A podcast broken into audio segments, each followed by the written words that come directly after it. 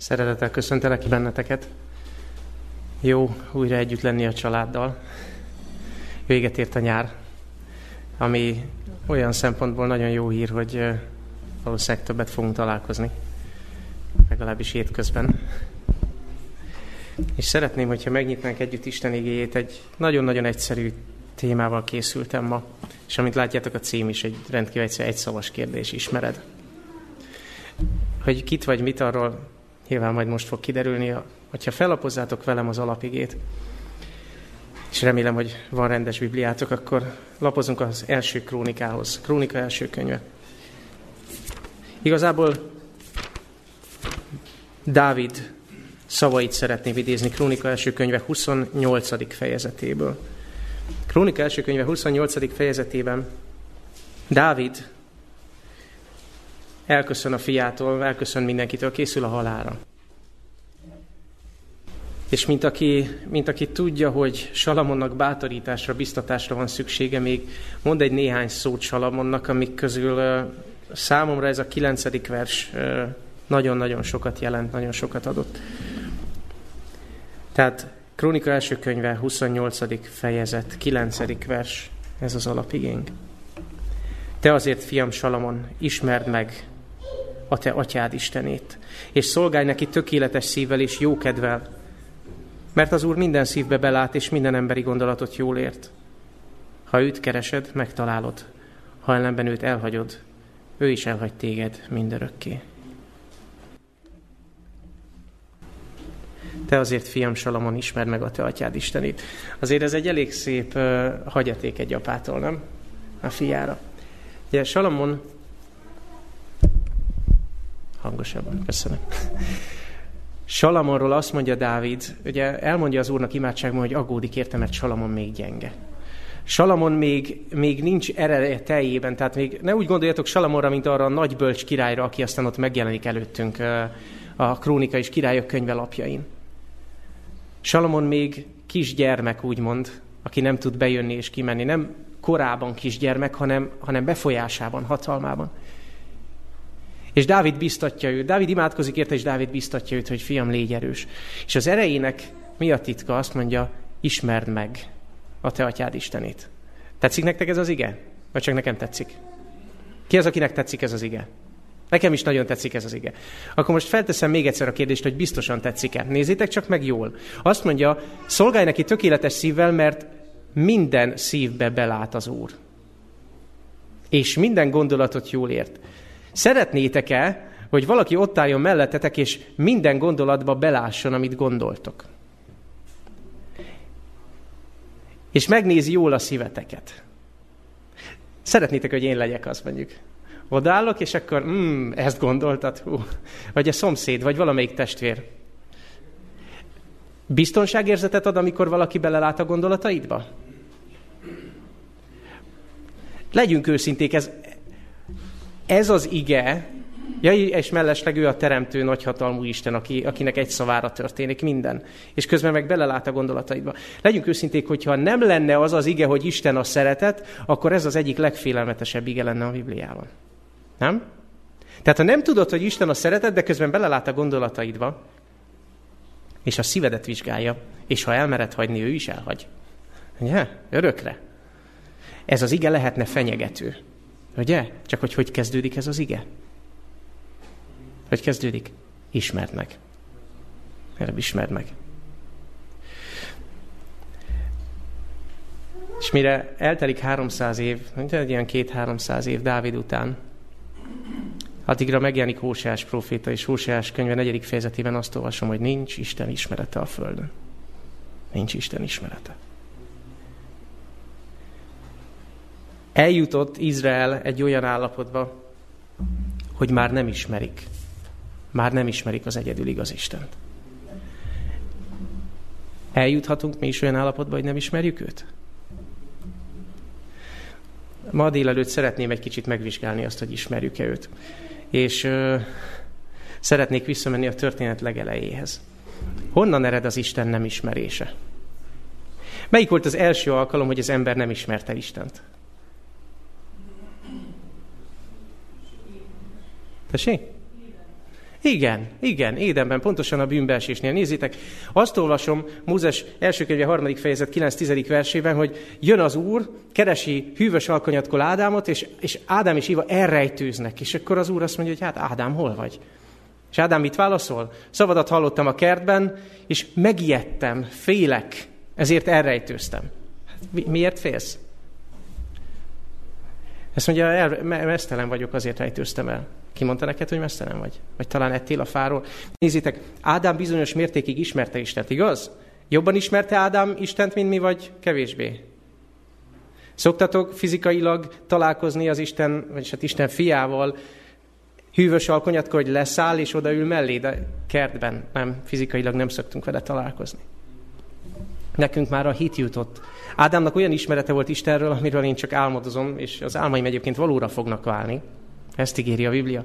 De nézzétek, Ádám milyennek ismerhette meg Istent? Hogyha össze kellene szednünk azokat a jellemtulajdonságokat, amik csak a teremtés utolsó napján, a pénteki napon, meg aztán azon az azt követő szombaton kiderülnek Istenről, mit tudott meg Ádám? Azt, hogy Isten adakozó, adott neki életet, adott neki egy évát, adott neki egy édenkertet, ugye? De ebből az is kiderül, hogy az Isten teremtő, mert teremtette azt a kertet, teremtette neki, azt a szemelátára történt, ugye, hogy, hogy, hogy Éva egyszer csak ott van. Ugye? Éva nem volt, és Éva egyszer csak ott van. Persze a műtét álmában volt, de az eredményt látta. Ugye? Szombat esküvő, az angyalok a tanúk, nászút, az éden kertjébe, tökéletes. Ilyen képe, nézzétek, ezt az adakozó, ezt a mindent odaadó Istent látta Ábrahám. Kedvesnek ismerte meg, aki hűvös alkonyatkor eljön és beszélget. Nem tudom elképzelni, hogy bármiféle rossz tulajdonságot vagy bizalmatlanságra okot adó vonást felfedezhetett volna Istenben. Semmit. És amikor Ádám hallgat, vagy hát Éva hallgat a kígyó szavára, Ádám meg Éva szavára, teljesen mindegy, amikor hallgatnak a kígyó szavára, helyet adtak a bizalmatlanságnak, vagyis helyet adtak annak, hogy Isten nem olyan, mint amilyennek eddig gondoltuk, megismertük. Most próbáljuk meg összerakni a láncot. Az isteni nem ismeretnek az első, um, hogy is mondjam, az első tünete micsoda? Hogy Ádám mesternek érzi magát, és fél.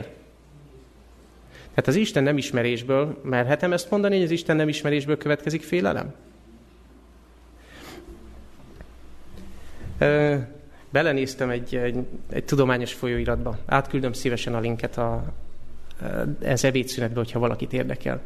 Van benne egy, egy, egy pszichológiai, inkább pszichiátriai tanulmány. Nagyon érdekes. Innen fogok idézni egyet, egy 2016-os tanulmány. Azt írja ez a pszichiáter, az ismeretlentől való félelem lehet az egyik, vagy talán a legalapvetőbb félelem, amely a szorongás és ezen belül a neurotikusság hátterében áll. Na most tudnotok kell, hogy a neurotikusság az egy, az egy hogy is mondják, személyiség jegy, de maga a neurózis, ami ebből következhet, az már betegség, az már rendellenesség. És amikor a cikket olvasgattam, ott inkább a betegség, vagyis a, a mentális problémának a vetületeivel foglalkozik. Tudjátok, hogy ugye azt, azt nevezük neurózisnak. Tudjátok, hogy milyen tünetei vannak a neurózisnak? Csak egy néhányat fogok felolvasni. És kíváncsi vagyok, hogy megcsillan-e a felismerés mindannyiunk szemében. Például szorongás. Például kellemetlen, zavaró gondolatok, például rossz kedélyállapot, depresszió, letargia, vagy adott esetben harag, irritáltság, alapvető negatív gondolkodás, cinizmus, önértékelési zavarok, fóbiás, impulzív és megrögzött cselekvések. És társfüggés. Ugye a társfüggés nem azt jelenti, hogy jaj, én nem tudok meglenni egyedül, az más. Ez a kapcsolatfüggés. A társfüggés az az, amikor jaj, mit fognak gondolni, amikor az egész életed attól függ, hogy mit gondolnak rólad. Na akkor még egyszer. Azt mondja hogy Ádám feladja az Isten ismeretét. Mindazt, amit megismert Istenről, azt megkérdőjelezi. A következő jelenet az, hogy fél. Ez a pszichiáter meg azt mondja, hogy a félelem, az ismeretlentől való félelem állhat a hátterében sok pszichézavarnak, amiket itt felolvastam. Testvéreim, Láttunk már ilyen jelenségeket hitvaló keresztények között? Figyeljetek, ilyeneket olvastam fel, hogy fóbiás, megrögzött cselekvések. Vagy ilyeneket olvastam, hogy társfüggés, mit mondanak a többiek. Vagy nagy cinizmus, negatív gondolkodás, szorongás. Láttunk már ilyeneket Krisztus váró keresztények között? Erre most viszont ne válaszoljatok. Láttunk már ilyet önmagunkban? Véltünk felfedezni ilyesmit önmagunkban? Bármelyiket a listából. Tudjátok, hogy a legtöbb keresztények között tapasztalható pszichés zavar abból következik, hogy van egy rossz Isten képünk. Hogy nem úgy látjuk az Istent, nem olyannak látjuk, amilyen. Mondjátok már nekem másképp azt, hogy fóbiás, megrögzött cselekvések. Mondjátok szépen keresztény szavakkal. Lélektelen liturgia. Keresztény hagyomány, szok, mert így szoktuk. És nem az Isten ismerete van mögötte, hanem az van mögötte, hogy nem ismered az Istent, ezért félsz, és az ismeretlentől való félelem mindenféle cselekvésekre késztet. Fú, mit fognak mondani a testvérek, hogyha ezt meg ezt nem teszem meg? Bennem felvetődik az a kérdés, hogy hát itt vagyunk, az Isten népe vagyunk, miért nem véd meg minket a különböző ilyen pszichés problémáktól, amik így rajtam is rajta vannak szerintem. Nem vagyok egyedül vele. Tudjátok, az a gond, az a gond, az a gond, az a baj, hogy már ismerjük valamennyire az Istent. És nem mentünk végig vele az úton. Nem ismertük meg őt teljesen, nem, nem hagytuk, nem bíztuk rá magunkat annyira, hogy végigvezessen, hogy teljesen megismerjük az ő jellemét, ezért van egy félismeretünk, mondjuk az, hogy minden szívbe belelát, és végtelen hatalmú teremtő, de nem jutottunk odáig, hogy ő a szeretet. Ott ülök melletted, és ismerem a gondolataidat, de nem tudod, hogy én jó vagyok-e, vagy gonosz. Nem tudod, hogy a gondolataidból nem lesz egy nagy tweet post, vagy valami, amit milliók olvasnak, ugye? Kibeszéllek, vagy, vagy, vagy, vagy becsaplak, vagy kihasznállak. Ha nem mész végig az úton, az Isten ismeret útján, cinizmus. Láttatok már cinikus keresztényeket? Neurotikusság, vagy hát bocsánat, a neurózisnak az egyik tünete, az már a maga a betegség, ugye, a már maga a, a rendellenesség. Társfüggés. Láttatok már társfüggő keresztényeket, akik azért mennek azért mennek gyülekezetbe, azért imádkoznak úgy, azért mondják úgy. Láttatok ilyet? Véltetek önmagatokban is felfedezni ilyen vonásokat? Az a nagyon jó, hogy most azt hiszem, hogy megvan a diagnózis. Csak ennyi. Az ismeretlentől való félelem váltja ki ezeket. Az ismeretlen Istentől való félelem. Egyre több emberrel beszélgetek, akiknek az Isten képük egy fél Istenkép. Tudják Istennek bizonyos tulajdonságait, de testvéreim, a Bibliában az Isten ismeret az nem ismerem a tulajdonságait. Vagy tudnék róla egy leírást adni, vagy el tudnám mondani, hogy ki ő, hol ül éjszakon a trónon, és ez és ez jelképezi a Bibliában, nem ez az Isten ismeret. Mondjuk ki, mi az Isten ismeret a Biblia szerint? Mondjátok ki, mi az Isten ismeret? Hangosan. Kapcsolat. Az Isten ismeret kapcsolat. Nem egy elméleti tudás valamiről. Erre szoktam mondani ezt a példát, hogy nézzétek a Biblia, hogy használja az ismeret szót. Azt mondja, Ádám ismeri az ő feleségét, és biztos, hogy nem csak leveleztek messziről, ugye? Vagy olvasott arról, hogy a nők ilyenek. Ugye elolvasott egy jó könyvet. A női agyról. az jó vastag könyvet. Az ismeret kapcsolatot jelent. Összekapcsolódást, a gondolatok, az érzések összekapcsolódását. Azt mondja nekünk Ézsaiás könyvében az Úr, kihez hasonlítjátok az Isten? Kihez hasonlítotok engem? Ézsaiás 40. fejezet 18. verse. És milyen képet készítetek rólam, milyen képmást formáltok rólam? Az Isten azt kérdezi, hogy most tényleg ki akartok engem faragni? Tudjátok, hogy sok hetednapi adventista Krisztus váró keresztének az Isten képen nem különb egy kis faragott bálványnál, amit zsebre lehet vágni. Ma is van ilyen Ugye? De nem feltétlenül fizikailag, mondjuk a pótselek, a vallásos pótselekvések. Ez mind-mind faragott képmás. kép más. Nem Isten tisztelet és Isten ismeret, hanem valami másolata. Amire ugyanúgy vonatkozik az, hogy ne csinálj magadnak faragott képeket. A második parancsolat elmondja, hogy hogy imád az Istent. Az Isten azt mondja, én elmondom neked, hogy imádj engem, akkor a szerint, a szerint közeledj hozzám. Hogyan ismerhetem meg Istent? Hogyan lehet végigmenni ezen az úton, hogy ne álljunk meg a felénél, és maradjunk neurotikusak? Hogyan lehet végigmenni ezen az úton? Mondjátok ki, hogyan ismerem meg az Istent? Jaj, erre olyan egyszerű a válasz, hogy ki sem merjük mondani, és ha kimondom, akkor ah, persze. Hogyan? Krisztus által, az ő igéje által. Persze, tudjátok, valahányszor itt mindig erre futtatom ki. És bocsánat, hogy nem tudok újat mondani, de Krisztusnál újabb nincs az életemben. Tudjátok, azt mondja Jézus, hogy annyi idő óta veletek vagyok, és nem ismertél meg engem, aki engem látott, látta az atyát.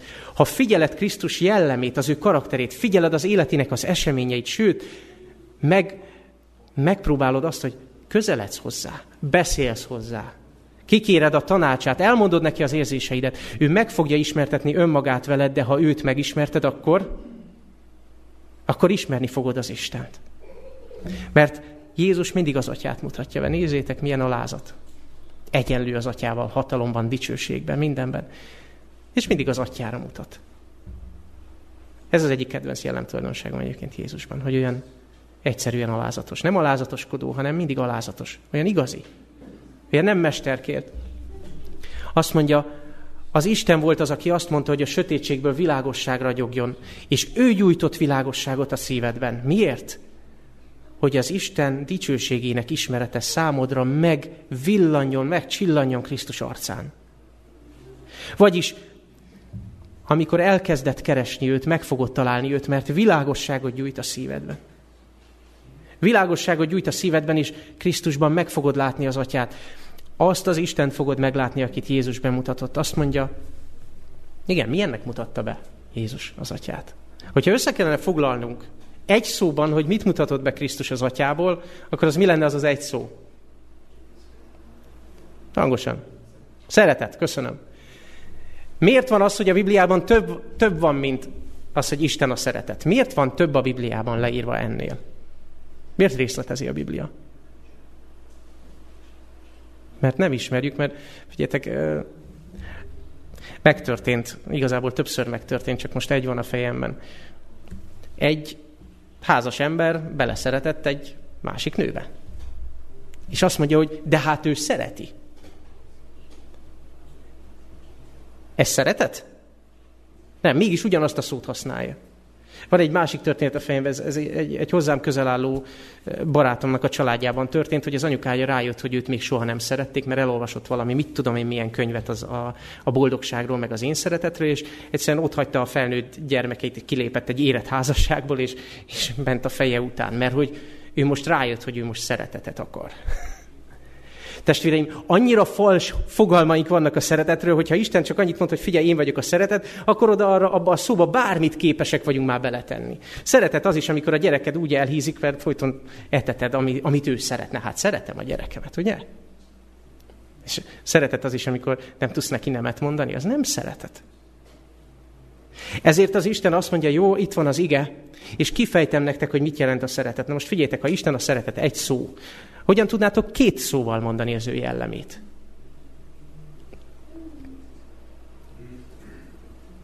Melyik az a két szó, ami leírja, hogy Isten szeretetének milyen a minősége? Egy összeg, elválaszthatatlan. Az Isten jelleme, az Isten szeretete egyszerre olvasunk. János, ah, na, na, na, nagyon jó, igen, János első, János első fejezete. Ez egy fantasztikus ige, hogy, ahogy János bemutatja a testélet Krisztust. Azt mondja, az ige testélet, és köztünk lakott, és láttuk az ő dicsőségét, mint az Atya egyszülöttjének dicsőségét, aki teljes volt, kegyelemmel és igazsággal. Nézzétek, ez a szeretet. Az igazi szeretet az, amikor egyszerre kegyelmes az Isten, és egyszerre igazságos. Tudjátok, gondolkodom azon, hogy Ádám csak a bűnbeesés után kezdte ezt a vonását igazán megismerni az Istennek. Amikor azt látta, hogy aznap nem meghal, kegyelem, De egy bárány meghal. Igazság.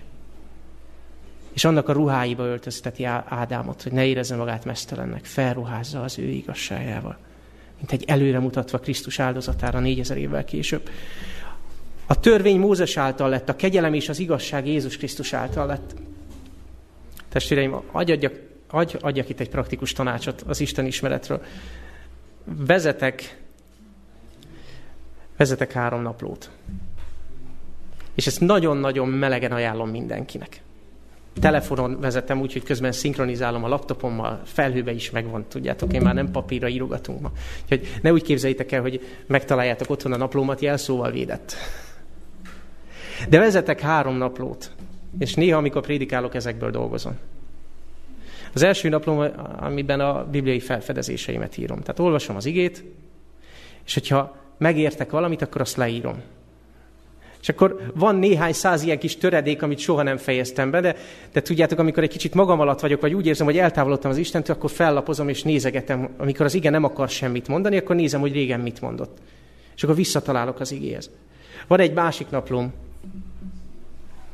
a tapasztalatnapló, amikor imádkozom valamiért, és az Úr megadja.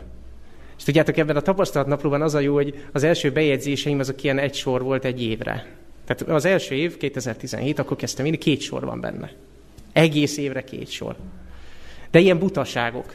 Erre úgy voltam vele, hogy ha nekem nincsenek nagy tapasztalataim, akkor írjam már ezeket az én kis butaságaimat, ami ilyen, ilyen idézőjel butaság nyilván nem az, mert az Isten hallgatott meg, de, de úgy éreztem, amikor imádkoztam, értem, még cikis is volt, hogy hát ilyen ér imádkozni, és akkor meghallgat, és az ember hirtelen nem tud vele mit kezdeni, és akkor leírtam. 18-ban már kicsit több, 19-ben több.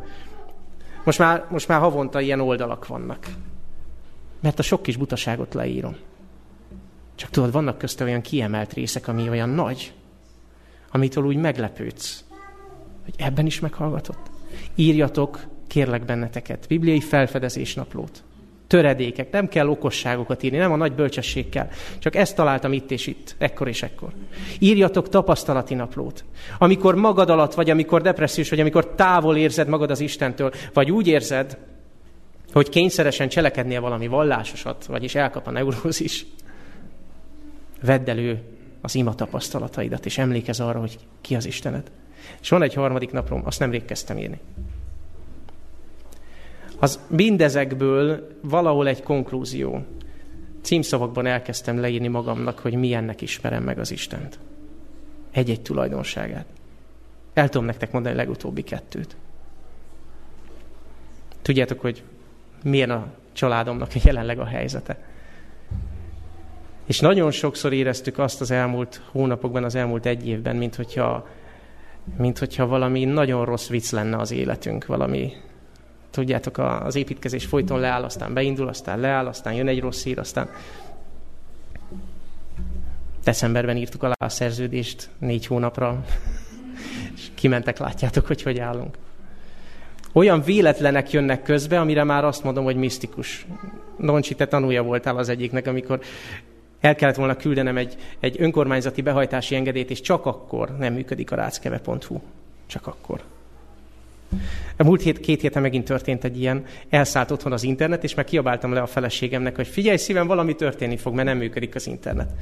Perceken belül csörög a telefon, hogy most azonnal e-mailezzek el egy, egy dokumentumot. Mondom, jó, jó, mobilnet, felkészültem.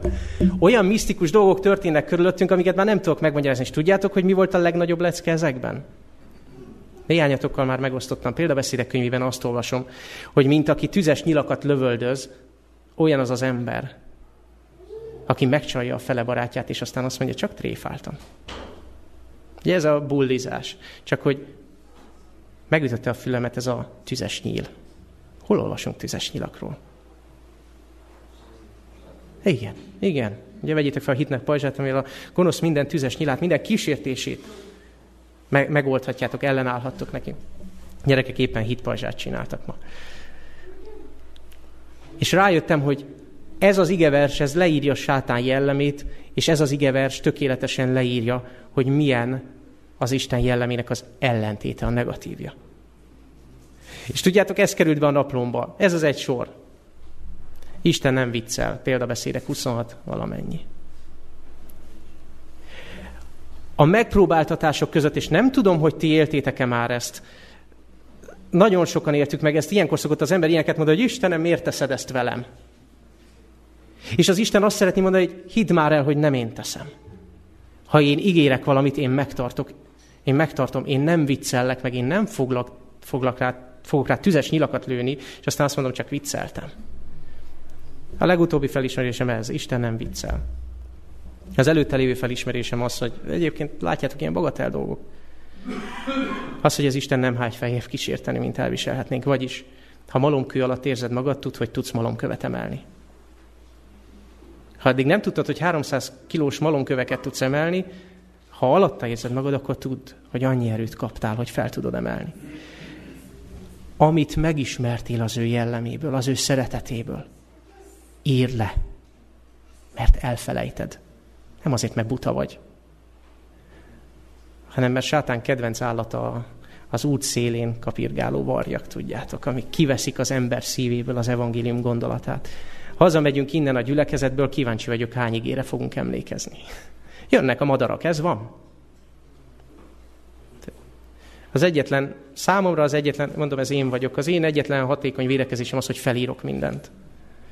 Felírok mindent, hogy emlékezek, és utána előveszem, és újraolvasom. A megismerésnek következményei lesznek, testvéreim, hogyha belevágtok ebbe az utazásba, ha belevágtok ebbe a kísérletbe, hogy meg akarom ismerni az Isten, de úgy teljesen, úgy végig, teljes, tökéletes képet akarok róla, annak nagyon-nagyon jó következményei lesznek. Én megismertettem velük az ő nevedet, mondja Jézus. Jézus megmutatta, milyen az atya, megmutatta a tanítványoknak. És így imádkozik halál előtt az atyához, én megismertettem velük a te nevedet. És megismertetem, azaz továbbra is megismertetem velük. Hogy az a szeretet legyen ő bennük, amelyel engem szerettél, és én is ő bennük legyek. Mit jelent az, hogyha megismered őt? Hát milyen egyszerű, az a szeretet lesz benned. Az a kegyelem és igazság, az a tökéletes szeretet, az a nem majom szeretet. Az a megfontolt, működő, érzelemmel és értelemmel teljes szeretet, ahogyan Krisztus szerette a tanítványait, ahogy az Atya szeret téged. Ha megismered őt, ugyanúgy fogsz szeretni, mint ő. Ugyanazt a jellemet öltöd magadra. Azt mondja, szívet adok nékik, hogy megismerjenek engem. Figyelj, nem tudod magadtól megismerni, azt mondja az Isten, nem baj, csak gyere ide, adok neked szívet. Új szívet adok neked a kőszív helyett, hogy megismerj engem. Arról ismered meg az Istent, hogy képessé tesz érezni, hogy képessé tesz arra, hogy szeresd a másikat, azt is, aki egyébként rendkívül ellenszenves, meg, meg inkább irritáló. Elvezet még egy pontra, nézitek, hogy meglátod Krisztus jellemét, és benne az Atya jellemét, kontrasztban meglátod magadat is. És ilyeneket fogsz imádkozni, mint a 139. Zsoltár, hogy vizsgálj meg engem, új Isten, és Ismerd meg szívemet. Az Isten ismeri a szívünket? Kell neki vizsgálgatni annyira a szívünket? Hát rád néz, tudja, hát a gondolataidat is tudja. Akkor miért ez az imádság? Miért mond ilyet a Zsoltáros? Mert amikor azt mondja, ismerd meg szívemet, akkor azt mondja, ismertesd meg velem a szívemet. Tudjátok, hogy ez milyen alapvető fontosságú? Megismerni önmagunkat? A Biblia önismereti tréningje egész más, mint az önismereti csoportok. A Biblia önismereti tréningje igen kemény. Például ott vannak a tanítványok Lukács evangélium a 9. fejezetében, akik azt mondják, miután egy samaritánus falu nem akarja Jézust befogadni, nem baj, mi illés küldetésével jövünk, és azt mondják, hogy akarod-e, hogy tűz szálljon alá. És egyébként igazuk volt. Hát nem, nem tüzet érdemel az a falu, amelyik nem fogadja be Jézust? Nem tűz lesz a sorsa annak a városnak, aki nem fogadja be Jézust? Tehát a Sodoma és Gomora, nem? És Jézus rájuk néz, fogja a fejét, és azt mondja, fogalmatok sincs, hogy milyen lélek van bennetek. Ők azt hitték, hogy illés lelke van bennük, mint Elizeusban, a kettős mérték. És azt mondja, nem tudjátok, milyen lélek, mi némű lélek. Fogalmat sincs, ki beszél belőled. Testvérem, hogyha elkezded azt imádkozni, hogy 139. Zsoltár Uram, vizsgálj meg engem, és ismertesd meg velem a szívemet, az Úr megteszi, meghallgat, és rád, rá fogsz jönni, hogy amikor nagyon fontos, vallásos dolgokat tettél és mondtál, akkor az egy másik lélek volt, és nem az Isten szent lelke. Tudjátok miért? Mert azt olvasom szintén uh, Máté evangéliumában. Próbálom felidézni. Sokan jönnek majd az én, sokan mondják majd azon a napon, Uram, Uram, mit mondanak? Nem a te nevedben, profétáltunk, ördögöket űztünk, sok hatalmas dolgot tettünk, és Isten azt mondja, Jézus azt mondja rájuk, hogy soha nem ismertelek titeket. Figyeljetek, testvéreim, ez nem azt mondja, hogy nem a te nevedben öltöttünk zakót szombatonként, és ültük végig az Isten tiszteletet. Ennél sokkal többről van szó. Hatalmas, nagy, vallásos töltetű cselekedetekről. És Jézus azt mondja, soha nem ismertelek. Vagyis egy ismeretlen Istennek szolgáltál. Vagyis, hogyha az ismeretlen az alapja minden félelemnek, akkor egy ismeretlen Istennek szolgáltál. Egy isteretlen Isten nevében akartál ördögöket űzni, mint annak a, emlékeztek annak a főpapnak a hét fia ott apostolok cselekedeteiben. Emlékeztek a történetre? Azt mondja, hogy megpróbáltak kiűzni egy ördögöt egy, egy ördöngősbe, és azt mondták, hogy a, annak a Jézusnak a nevében, akiről Pál prédikál, ugye, tehát még a szavaikból is látszik, hogy fogalmuk sincs, hogy kiről beszélnek, csak a, ezt a varázsszót kell mondani, ez a hókusz-pókusz. Testvéreim, a Biblia önismereti tréningje kemény. A Biblia legutolsó könyvében, amiben mi általában csak a proféciát szoktuk látni, egy nagyon-nagyon komoly lelki vetület van, nem tudom, felfedeztétek-e. Az Isten soha nem mond jövendőlést úgy, hogy ne lenne annak egy lelki vonulata. Nem lecsupaszított történelemkönyv jelenések könyve. Van benne egy nagyon komoly, például önismereti tréning is. Hol? Jó, ezt minden heted napi adventista tudja. Jelenések könyve harmadik fejezet. Azt gondolod magadról, hogy gazdag vagy, évek óta megkeresztelt és szolgálsz, és a szolgálatodat becsülik, embereknek prédikálsz, fent vagy a Youtube-on, azt gondolod magadról, hogy példás családi életet élsz, és a gyermekeidet normálisan neveled, figyeljetek, nem rólatok beszélek, most magamról beszélek, és szerintem mindenki nyugodtan helyettesítse be magát. És Jézus rád néz, rám néz, és azt mondja, hogy figyelj, azt mondja, ki foglak vetni a számot, tudjátok, mit jelent? Beszéltünk sokat a Laudícia üzenetről, azt mondja, hogy ettől hány ingerem van. Mert egy ismeret nélküli, egy Isten ismeret nélküli vallásos cselekmény, az az Isten számára gyomorforgató. Laodicea üzenet nem éppen szép szavakat használ. Jelenések könyve egyszerűen kemény szavakat használ. És zárójel, hogy kezdődik a Laodicea üzenet? Úgyhogy így szól az, aki az ámen, a hű és igaztanú bizonság, vagyis Jézus mit csinál? Bemutatkozik, hogy ne az ismeretlen beszéljen neked. Testvéreim, az Isten ismerete és ez ennek a kérdése, vagy az Isten nem ismerése, a nagy küzdelem gyújtópontja. Az egész földi történelem, az egész mennyei történelem, az egész bűntörténelem, a mennyei lázadás történetének ez a gyújtópontja. Ismered-e az Istent, vagy nem? Megbízol-e benne, hogy amit magáról mond, az igaz, vagy sem? Hazugnak tekinted őt, vagy sem? Tudjátok, hogy milyen gyakran mondjuk azt, hogy az Isten hazudik, csak más szavakkal? Amikor azt mondja mondom, amit az előbb idéztem, hogy Istenem, miért teszed ezt velem, vagy, vagy olyan helyzetbe kerültem, hogy ebből nincs kiút, akkor azt mondod, mit mond az ige? Hű az Isten, hogy nem ad olyan helyzetet az életedben, amihez ne adnak kimenekedést. Ezt mondja az ige. Vagyis amikor te azt mondod, hogy innen nincs kiút, akkor azt mondod, hogy hűtlen az Isten, mert olyan helyzetet hozott, ugye?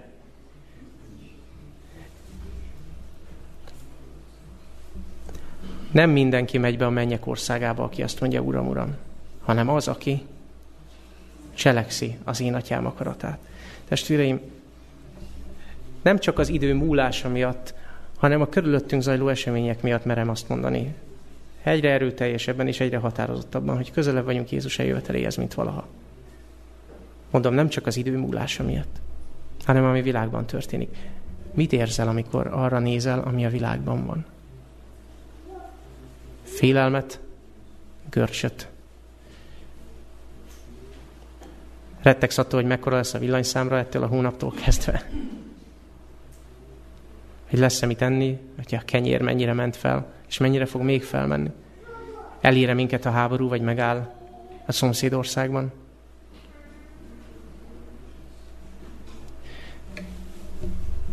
Az Isten azt mondja nekünk, két út van a legvégén.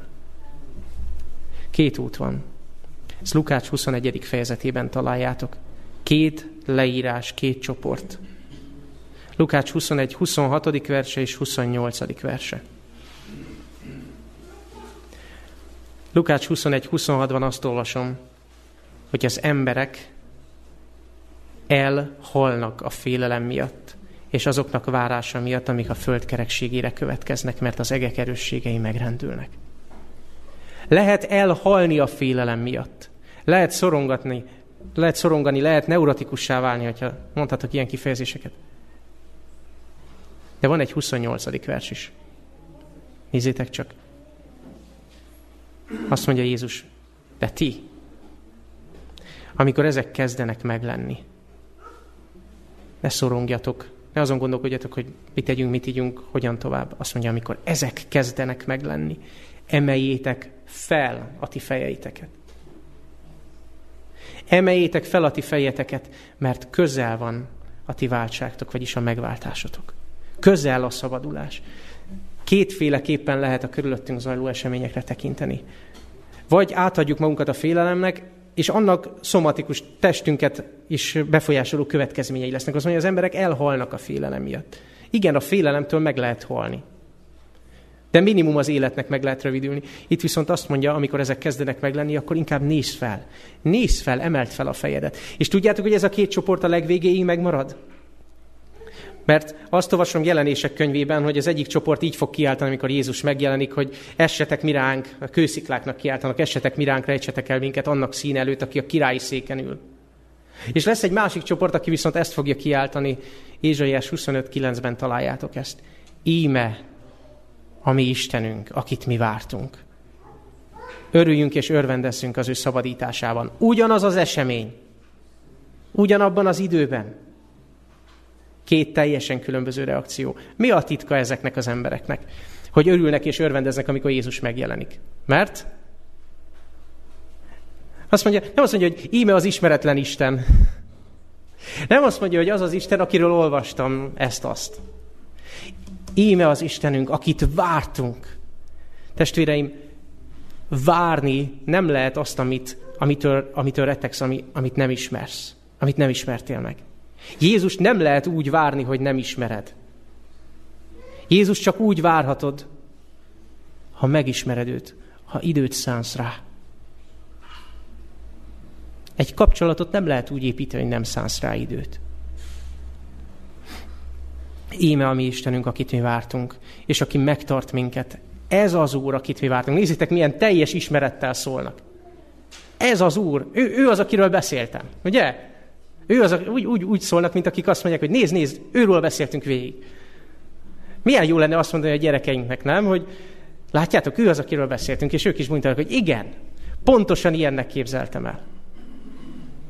Ez az Úr, akit mi vártunk, örüljünk és örvendezzünk az ő szabadításán.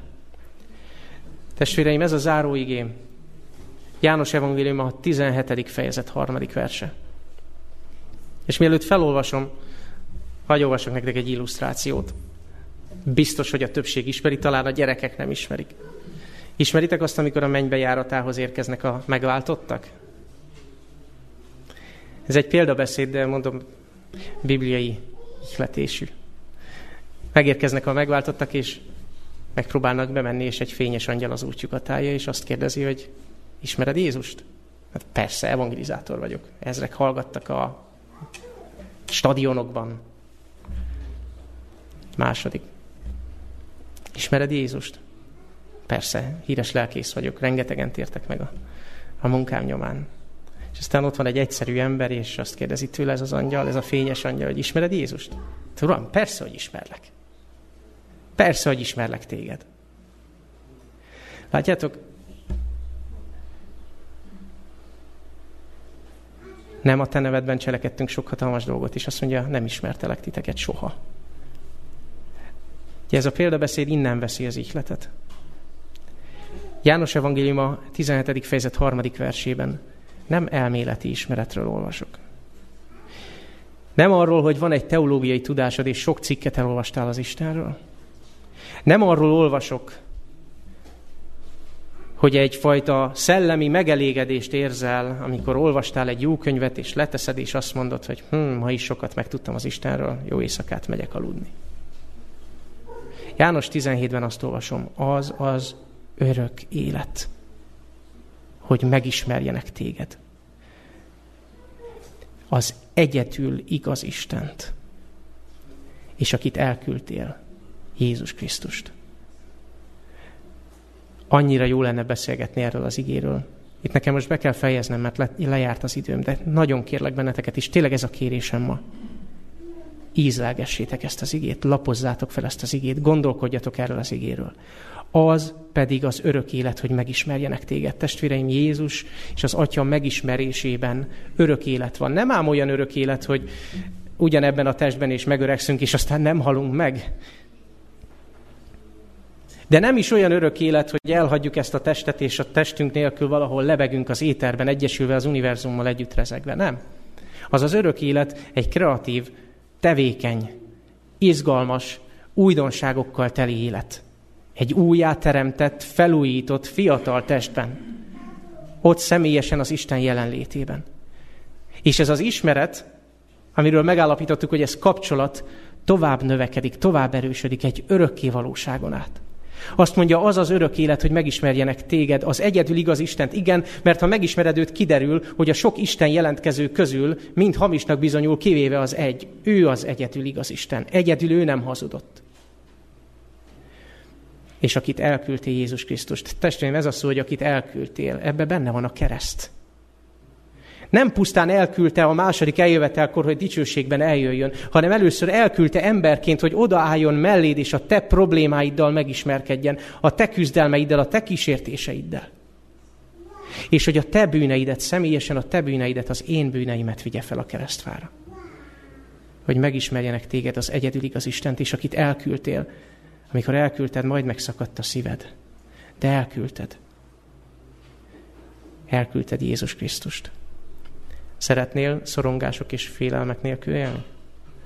Szeretnél gyümölcsöket teremni, mint ahogy Pál írja a Korjasi levélben, hogy amikor megismertétek igazán az evangéliumot, akkor az gyümölcsöt termet nálatok? Szeretnél örök életet? Egy beteljesedett örök életet? Ha ez a szíved vágya, és szeretnéd megismerni az Istent, akkor kérlek téged, hogy hajtsunk, kérünk, kérlek titeket, hogy hajtsunk térdet együtt. És most ezt szeretném aláhúzni. És lehet, hogy furcsán fog hangzani. Az ismeretlentől való félelem kivált az emberből olyan kényszeres cselekvéseket, amikkel nem ért egyet ő maga sem. Az ismeretlen Istentől való félelem kivált az emberből társfüggést, hogyha a többiek letérdelnek, nekem is le kell. Ha szeretnéd azt az örök életet, és ha szeretnéd megismerni őt, akkor kérlek, állj fel, térdelj le, velem együtt imádkozni. Nem szeretnék semmilyen kényszeres cselekvést senkitől.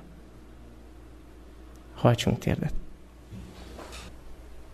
Atyánk, szerető Istenünk, őszinte szívvel hajtunk térded most előtted. Úgy szeretnénk térdet hajtani előtted, mint akik a testbeszédükkel is azt fejezik ki, vagy kicsin gyermekek előtted. Atyánk, olyan jó, hogy ezek a gyermekek a te gyermekeid, hogy a te gyermekeid lehetünk. Nem ennek a mulandó és sötét világnak a gyermekei, hanem a menny királyának a gyermekei. Atyánk, nem akarjuk többé megspórolni az időt és az erőfeszítést. Szeretnénk megismerni téged teljes szívvel. Szeretnénk olyannak megismerni, amilyen valójában vagy. Olyannak megismerni, amilyennek Jézus Krisztus mutatott be téged itt a földi életében és az ige lapjain. Segíts így közelednünk az igéhez, úgy közelednünk a Bibliához, mint ami újra és újra valamit megmutat a te jellemedből. És hogy a Biblia olvasása az ne egy szokás vagy hagyomány legyen számunkra, hanem a kapcsolat eszköze. Az imádsággal együtt. Atyánk, szeretnénk úgy közeledni hozzád, mint akik tökéletesen bízunk a te szeretetedben, hogy te kegyelmes és igazságos vagy egyszerre, hogy te megoldást találtál a bűnre, hogy te azért küldted el Jézus Krisztust, mert előre szerettél minket.